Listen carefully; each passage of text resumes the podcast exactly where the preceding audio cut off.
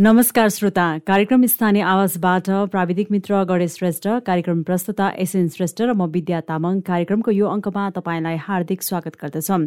कार्यक्रम स्थानीय आवाज रेडियो क्यान्डिड बयानब्बे दशमलव सात मेगाहर्सका साथै हाम्रो website W W W dot Radio Candid dot कममा हाम्रो आधिकारिक फेसबुक पेज रेडियो क्यान्डिडको एप्स डाउनलोड गरेर तथा पोडकास्टमा समेत सुन्न सक्नुहुन्छ। श्रोता प्रदेश नम्बर तिनको नुवाकोट जिल्लामा म्यागाङ गाउँपालिका अवस्थित रहेको छ। साबिका पर्सुनचेत किमताङ देउराली बुङताङ र सामरी गाविस मिलेर म्यागाङ गाउँपालिका बनेको हो। यस गाउँपालिकाको क्षेत्रफल सन्तानब्बे दशमलव आठ तिन वर्ग किलोमिटर रहेको छ। यस गाउँ कार्यपालिकाको कार्यालय तिन नम्बर वडाको चिउरी भन्ज्याङमा रहेको छ। यस गाउँपालिका उचाइमा रहेको कारण समशीतोषण र लेकाले हावापानी पनि पाइन्छ।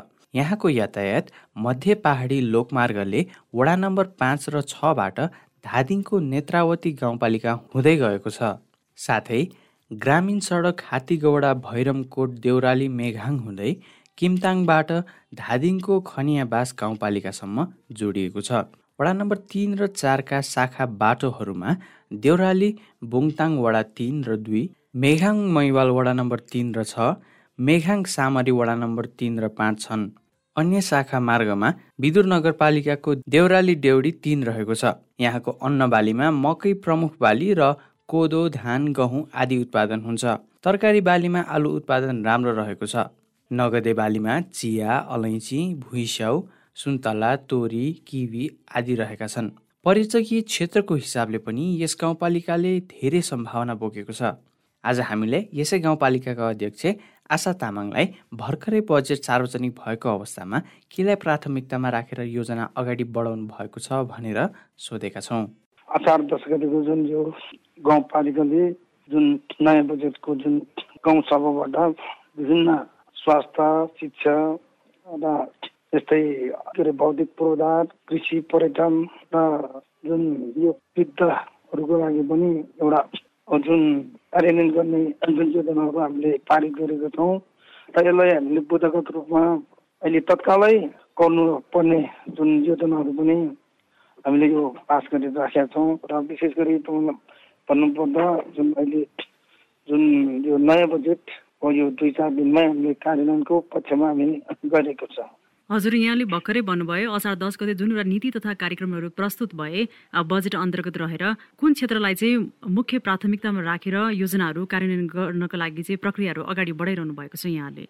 अहिलेलाई हामीले भन्नुपर्दा जुन यो अहिले जुन यो हामी पनि भर्खरै जुन फेरि म विशेष गरी मेगा गाउँपालिकाको फेरि दोस्रो कार्यकाल जुन निर्वाचित जुन मेगाङ गाउँपालिकाका आमा बाबु दाजुभाइ दिदीबहिनीहरूको अमूल्य मत परा फेरि दोस्रो कार्यकालको जुन सफलता भएको छु र यो दोस्रो कार्यकालमा जुन हामीले तत्कालै निर्वाचन सिकेपछि जुन निर्वाचन पश्चात बजेटहरू चाहिँ कार्यान्वयन र बजेट बनाउनु पर्ने भएको हुनाले हामीले विगतमा उहाँहरूको जुन आम मेगाङवासीको घर दैलोमा पुगेर हामीले चुनावको बेला जुन मतको जुन अपेक्षा राखेर उहाँहरूको घर दैलो पुग्दा उहाँहरूको जुन स्वास्थ्य शिक्षा र विभिन्न जुन अब उहाँहरूको भनाइप्रति यसलाई हामीले समेटेर अब विशेष गरी हामीले यो गाउँपालिकाभित्रको सकेसम्म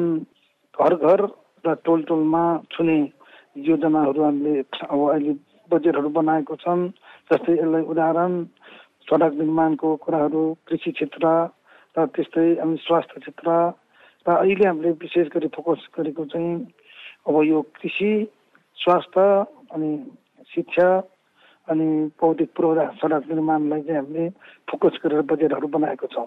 हजुर अब शिक्षामा बजेट जुन एउटा छुट्याउँदै गर्दाखेरि शिक्षा सँगसँगै यसलाई गुणस्तरीय बनाउने कुराहरूमा चाहिँ यहाँले कतिको यसलाई ध्यान दिइरहनु भएको छ? यसलाई गुणस्तरीयको विषयमा म फेरि पनि दोस्रो कार्यकाल निगम पार्टीको अध्यक्ष भएको नाताले अब निगम गाउँपालिकाको जुन पूर्व जुन शिक्षकमा शिक्षामा कसरी गुणस्तर ल्याउने भन्ने कुराहरूमा यहाँ दुई तिनवटा कुराहरू छ।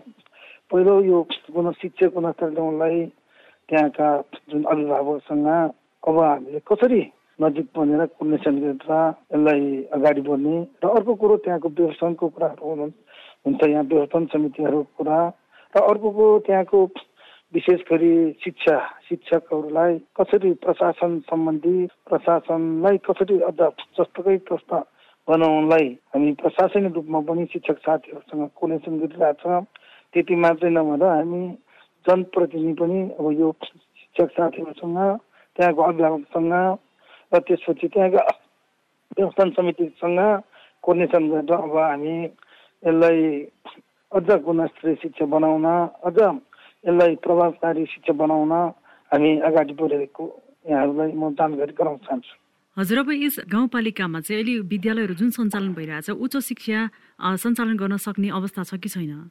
अहिले हामीले भन्नुपर्दा हामी यहाँ बाइसवटा विद्यालयहरू छ र त्योमध्ये कोही आधारभूत कोही मावि लेभलको विद्यालयहरू छ। र त्यसपछि हामी यहाँ सामरी भन्ज्याङ भन्ने एउटा क्याम्पस पनि छ।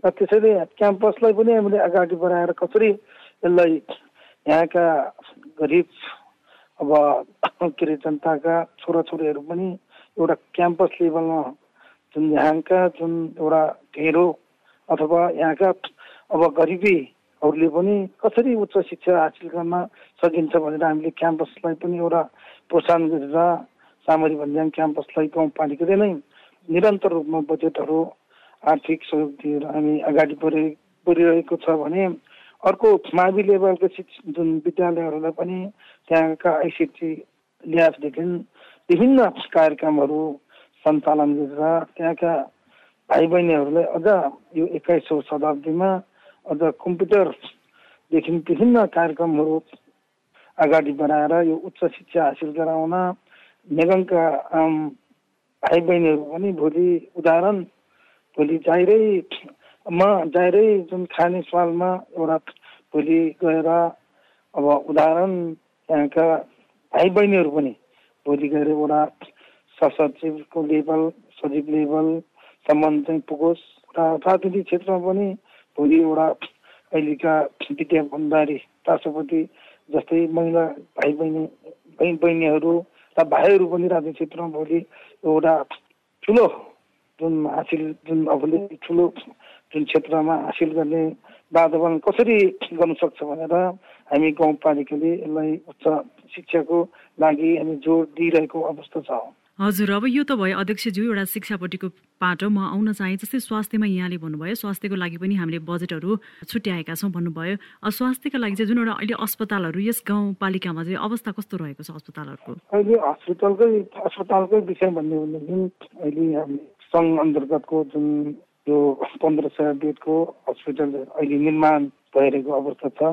त्यस्तै अन्य जुन वडाहरूमा विभिन्न वडामा स्वास्थ्य चौकीहरू र त्यहाँका बोर्डिङ सेन्टरहरू विशेष गरी बोर्डिङ सेन्टरमा हामीले जोड दिएको छ। किनभने यहाँका आमाहरू दिदीबहिनीहरू भोलि एउटा सुकिरै सुकिरै हुने अवस्थामा यहाँकै गाउँपालिकाभित्रको वडागतका बोर्डिङ सेन्टरमा नै सुकिरी गराउने र उहाँका स्वास्थ्यप्रति पनि अझ सुसूचित गराउने र त्यसपछि नानी बाबुहरूलाई पनि एउटा सुरक्षित कसरी गराउने भन्ने कुरामा हामीले वर्किङ सेन्टरलाई पनि हामीले जोड दिएको छौँ र त्यति मात्र भएर अन्य जुन औजारहरू विशेष विभिन्न सेवाको औजारहरू पनि कसरी हामीले गाउँपालिकाले उपलब्ध गराएर अझ यहाँका स्वास्थ्य क्षेत्रलाई कसरी प्रभावकारी ढङ्गले निशुल्क सेवा दिन सकिन्छ र अझ एम्बुलेन्स पनि हामीले अझ यहाँका जनतालाई निशुल्क सेवा दिएर अन्य स्वास्थ्य पाउ स्वास्थ्यमा पाउने सेवाहरू पनि कसरी निशुल्क सेवा दिन सकिन्छ भनेर हामी गाउँपालिकाले यहाँका आम नागरिकलाई सेवा दिने कुरामा कुनै पनि हिसाबले हामी कन्ट्रोस नगरिकन हामी अगाडि बढिरहेको छ। हजुर अब स्वास्थ्यमा भौतिक पूर्वाधारहरू बन्दै गर्दाखेरि अहिले तत्कालै देखिएको समस्या के हो भने डक्टरहरूको जुन एउटा अभाव छ यस गाउँपालिकामा चाहिँ कस्तो रहेको छ? अहिले हामी यहाँ अब यो मेडिकल अफिसर डक्टर यो पहिला मेगन गाउँपालिका वान नम्बर तिनमा प्राथमिक स्वास्थ्य चौकी थियो र अहिले त्यसलाई पन्ध्र सय हस्पिटल निर्माण भइरहेको छ र त्यहाँ विगतमा तिनदेखि चारजना दुईजनासम्म डक्टर थियो। अहिले हामी त्यहाँ डक्टर अलिक अभाव जस्तो भएको छ र यसलाई मैले सङ्घका सङ्घसँग पनि सङ्घीय मन्त्रालयमा पनि स्वास्थ्य मन्त्रालय पनि कुरा गरिरहेको छु र यो प्रदेश अन्तर्गतका स्वास्थ्य मन्त्रालयमा पनि कुरा गरिरहेको छु र मलाई जहाँसम्म लाग्छ यो डक्टर मेडिकल अफिसर गाउँपालिकामा छिटै आउँछ भन्ने मैले विश्वास पनि गरेको छ र यो जिम्मेवारी दायित्व हाम्रो पनि हो र त्यसैले यो हस्पिटलको विषयमा यो हो भने अन्य स्वास्थ्य चौकीहरूमा पनि हामीले अनामित र त्यहाँ के अरे अब त्यहाँका अन्य कर्मचारीहरूलाई पनि हामीले यो दरबन्दी करार दरबन्दीमा राखेर गाउँपालिकाका आम जनसमुदायहरूलाई कसरी सेवा दिन सकिन्छ भन्ने कुरामा चाहिँ हामीले अलमी एचसिदेखि अन्य कर्मचारीहरूलाई परिचालन गरेर हामीले करारमा उहाँहरूलाई करारको दरबन्दीमा हामीले राखेर उहाँहरूलाई अब अहिले जुन आम जनसमुदायलाई सेवा दिने वातावरणहरू गरिरहेको अवस्था हो। हजुर अब अघि यहाँले भन्नुभयो अब भौतिक पूर्वाधारहरूमा सडक पनि अवश्य नै पर्छन्। अब सडकहरू चाहिँ जुन एउटा भित्री सडक छ होइन गाउँपालिकामा अथवा भनौँ जुन बाहिरी सडकहरू छ राजमार्गसँग जोड्ने पनि होला। यसलाई चाहिँ अब कालोपत्रे गर्ने योजनातर्फ अघि बढिरहेको छ कि कस्तो छ अहिलेको अवस्थामा? अहिले हामी कहाँ विशेष गरी हामी कहाँ यो गाउँपालिकामा दुईवटा मेन सडकहरू दुईवटा छ। एउटा एउटा हाम्रो विद्युत नगरपालिका हुँदै पामरी भन्ज्याङ बराङबुरुङ जाने एउटा मध्यपाटी लोकमार्ग छ र त्यसलाई अहिले जुन निर्माणको निर्माणहरू अगाडि बढिरहेको छ त्यो कालोपत्री जुन सडक हो। र अर्को हाम्रो विद्युत नगरपालिका नौ नम्बर हुँदै अब आठ अनि सात हुँदै तेह्र हुँदै मेघन गाउँपालिका अब देउराली अनि गाउँपालिका केन्द्र अनि किमदाङ खम्बकोलासम्मको सडक पनि अहिले जुन ठेक्का भएको छ र यसलाई अब मलाई लाग्छ यो अलिकति पानीको जुन वर्ष कम भयो भने भरबाट यो ठेक्का प्रक्रिया पनि अब यो बाटोको जुन निर्माणको कामहरू अगाडि बढ्छ। किनभने यो दुईवटा बाटोहरू कागजपत्रीको ठेक्का भइसक्यो र निर्माणको निर्माण अगाडि बढिरहेको छ। र अरू गाउँपालिका केन्द्र जोड्ने जुन गाउँपालिकाभित्रको सडकहरूमा पनि अब हामीले गाउँपालिकाले अब आउने जुन यो वर्षभन्दा अब कुनै बाटोहरूलाई चाहिँ एउटा कालोपत्रे पिच गराउने हामीले प्लान गरेको छ र मलाई लाग्छ मेरो यो दोस्रो कार्यकाल हो। मेरो दोस्रो कार्यकालभित्र गाउँपालिकाभित्रको गाउँपालिका केन्द्र जोड्ने सडकहरू चाहिँ अब यो कालोपत्रको जुन अब कालोपत्र निर्माण हुने र कालोपत्र हुने अब कामहरू चाहिँ गर्छ भन्ने आम नेगङवासीलाई म विश्वास पनि दिलाउन चाहन्छु र यो विषयमा म सङ्घीय सरकारसँग र प्रदेश सरकारसँग सम्मान गरेर गाउँपालिकामा कसरी विकास निर्माणहरू अगाडि बढाउन सक्छ भन्ने कुरामा म उहाँहरूसँग सम्मान गरेर अगाडि बढ्ने म विश्वास पनि चाहन्छु हजुर अब मैले अलिकति कृषि क्षेत्रपट्टि जोड्न चाहेँ जस्तै यस गाउँपालिका चाहिँ कृषि उत्पादनले पनि सम्भावना बोकेको छ होइन? नगदे बालीको रूपमा पनि प्रख्यात छ भने तरकारी खेतीमा पनि प्रख्यात छ। अब यसलाई चाहिँ बजारीकरण गर्नको लागि अझ भनौँ कृषि क्षेत्रमा आधुनिकीकरण ल्याउनको लागि यहाँले कस्तो योजनाहरू अगाडि सारिरहनु भएको छ? अहिलेसम्मको सन्दर्भमा हामीले मेगा गाउँपालिकाको जुन पहिलो वर्ष पाँच वर्ष कार्यकालमा केही कृषि कृषि कृषिका कामहरू अगाडि बढेको थियो र अब आउने जुन यो पाँच वर्ष कार्यकालमा अब कृषि क्षेत्रलाई कसरी कृषि पकेट क्षेत्र बनाउने र यसलाई अब कसरी व्यवस्थान बजार व्यवस्थान गराउने र यसलाई कृषकहरूलाई जुन हामीले अब उहाँहरूलाई कसरी अनुदान दिने र अनुदान दिइसकेपछि उहाँहरूलाई यो बजार व्यवस्थान गर्ने कुरामा गाउँपालिकाले सुसंशोधित ढङ्गले एउटा बिचौलीहरूलाई पछाडि राखेर बिचौलीहरूलाई हटाएर अब उदाहरण निगम गाउँपालिकाको त्यहाँका विभिन्न तरकारीहरू गोलजरा जस्तै अन्य तरकारीहरू चाहिँ जुन बजारी रूपमा व्यवस्थापन गराउने कुरामा काली माइतीमा पाउने भाउलाई पाउने जुन जुन भाउलाई चाहिँ कसरी त्यसलाई निर्मित गराएर हामीले बजार व्यवस्थापन गराउने कुरामा पनि हामी अगाडि बढ्ने म भन्न चाहन्छु हजुर अब कृषि सँगसँगै सिँचाइ पनि आउँछ। अब यस गाउँपालिकामा अहिले खानेपानीको अवस्था चाहिँ कस्तो रहेको छ? गाउँपालिकामा अहिलेसम्म अब हामीले योभन्दा अगाडि पनि विभिन्न एनजिओ एनजिओहरूबाट खानेपानीको कामहरू धेरै गरेको छ र उदाहरण हामीले यो गोर्खा वेलफेयर र अन्य विभिन्न जुन एनजिओ एनजिओबाट हामीले धेरै कामहरू गरिरहेका छ। त्यति मात्रै नभएर हामीले गाउँपालिका आफ्नै लगानीले पनि खानेपानीहरूलाई प्राथमिकतामा राखेर एक घर एक धारा र एक मिटरको रूपमा हामीले धेरै अब वडाहरूमा धेरै घरहरूमा हामीले खानेपानी सञ्चालन गरेको छ। र अझै पनि केही खानेपानीहरू सञ्चालन गराउनु पर्ने छ समस्या छ। त यसलाई पनि हामीले मध्यनजर गरेर सकेसम्म हामी यो यस यही वर्षमा अझ मेगा गाउँपालिकाभित्र सम्पूर्ण घरहरूमा एउटा घर एउटा धारा एउटा मिटर सिस्टम चाहिँ हामीले बनाएर खानेपानी सञ्चालन गराउने हामीले यो छिटै नै यो खानेपानी सञ्चालन गराउने किनभने यो मेगन गाउँपालिकाभित्र एउटा खानेपानी पनि हामीले आम मेगन नागरिक आमा बाबा दाजुभाइ दिदीबहिनीहरूलाई दिनु सकेन भने हामीले अरू के दिन सक्छ? भन्ने कुरालाई मध्यनजर गरेर पुरा यो खानेपानीको चाहिँ व्यवस्थापन यही सालमा गर्नेछु भन्ने यहाँहरूको जुन म राख्न चाहन्छु पर्यटकीय सम्भावना बोकेको छ यस गाउँपालिकाले पनि। यसलाई अझ प्रवर्धन गर्न होइन आन्तरिक पर्यटकका साथसाथै बाइक सम्भव भएको खण्डमा बाइक पर्यटकलाई पनि आकर्षित गर्नका लागि कस्तो योजनाहरू चाहिँ अगाडि सार्नुहुन्छ यहाँले? अहिले हामीले पर्यटनको विषयमा भन्नुपर्दा मेरो गाउँपालिकाले विगतमा हामीले वार्ड नम्बर एकका नकुर डाँडा जस्ता गाउँपालिका र प्रदेशको बजेटमा हामीले समपूरक बजेटबाट त्यहाँ एउटा पर्यटक क्षेत्र बनाएको छ। त्यति मात्रै नभएर अहिले मेगाङ छ र तिनको बिचमा एउटा टुरी पार्क अहिले टुरी पोखरीको नामले चिनिन्छ।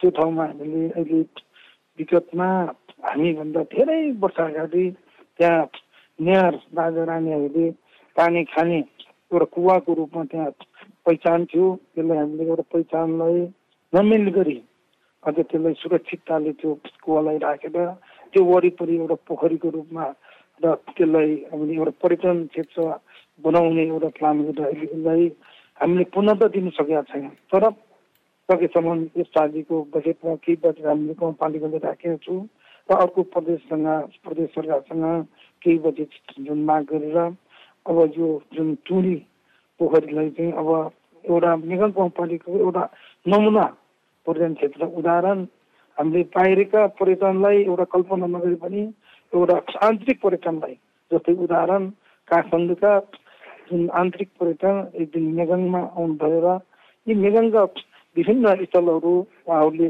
जुन जानु एक दिन बसोबास गरेर भोलिपल्ट काठमाडौँ जाने वातावरण गराउनलाई हामी स्थानीय सरकार हामी जनप्रतिनिधिहरू मेगाङलाई कसरी पर्यटन क्षेत्र बनाएर चिनाउने भन्ने कुरामा हामी लागिरहेको छौँ। जस्तै युवाहरूलाई स्वरोजगार बनाउन अझ भनौँ धेरै स्थानीय तहमा अहिले भइरहेको हालचाल समस्या के हो भने युवा जुन एउटा युवा दक्ष जनशक्ति छ उनीहरू चाहिँ बाहिरिने क्रम बढ्दो छ होइन? यसलाई चाहिँ त्यही गाउँपालिकामा आफ्नो स्थानीय तहमै परिचालन गर्नका लागि यहाँले कस्तो योजनाहरू ल्याउनु भएको छ? अहिले हामीले युवा स्वरोजगारको लागि अब हामी लक्षित वर्गका केही बजेटहरू पनि हामीले राखेका छौँ। र अर्को कुरा युवाहरूलाई कसरी अब यो व्यवसाय बनाउने र रोजगारीशील बनाउने भन्ने कुरामा हामीले अहिले गाउँपालिकाले एउटा कार्यविधि पास गरेर यहाँका युवाहरूलाई एउटा व्यवसाय रूपमा हामी गाउँपालिकाले लगानी गर्ने एउटा कार्यविधि बनाएको छौँ। त्यहाँ बिना तितोमा हामीले दुई लाखदेखि एक लाखदेखि दुई लाखसम्म हामी बिना तितोमा जुन बजेटहरू आर्थिक सहयोग गर्ने हामीले एउटा कार्यविधि बनाएको छौँ। किन यो बनायो भन्दाखेरि हामीले अब यो युवा साथीहरूलाई युवतीहरूलाई यो विदेशमा सौदी कतारमा या दुबईमा र मलेसियातिर जाने जुन वातावरणलाई रोकेर हामीले मेगन गाउँपालिकाभित्र चाहिँ कसरी युवा युवतीहरूलाई रोजगारीशील बनाउने व्यवसाय बनाउने भन्ने कुरामा हामी अगाडि बढिरहेको छौँ र हामीले केही बजेटहरू पनि छुट्याएर राखेका छौँ। यस गाउँपालिकामा चाहिँ बिजुलीको आपूर्तिको अवस्था कस्तो रहेको छ? मेगन गाउँपालिकामा भन्नुपर्दा यो विद्युतीय करणको विषयमा चाहिँ हामीले हामीले यो पाँच वर्षभित्र यहाँ गाउँपालिकाभित्र कतिपय ठाउँहरूमा त्यहाँ बिजुली नै। पुगेको थिएन कतिपय ठाउँ धेरै ठाउँहरूमा चाहिँ यहाँ काठको पोलहरू धेरै थिए र यो काठको पोलहरू भएको अवस्थाले यहाँ विद्युतहरू धेरै अवरुद्ध हुन्छ उदाहरण यहाँ हावा यो डाँडा काँडा मेगा गाउँपालिका भन्ने एउटा धेरै डाँडा काँडा भएको गाउँपालिका हो डाँडा यी ठाउँमा हावा उडेको कारणले जुन काठको पोलहरू ढल्ने र अझ मानसिक क्षतिहरू पनि हुने सम्भावना बढ्ने धेरै कुराहरू थियो। यसलाई हामीले जुन चौहत्तर सालमा हामी निर्वाचन भएर आइसकेपछि यो काठको पोलहरूलाई चाहिँ एउटा निशेष नै बनाएर अहिले फलाउने पोलहरू राख्न हामी सफल भएको छौँ।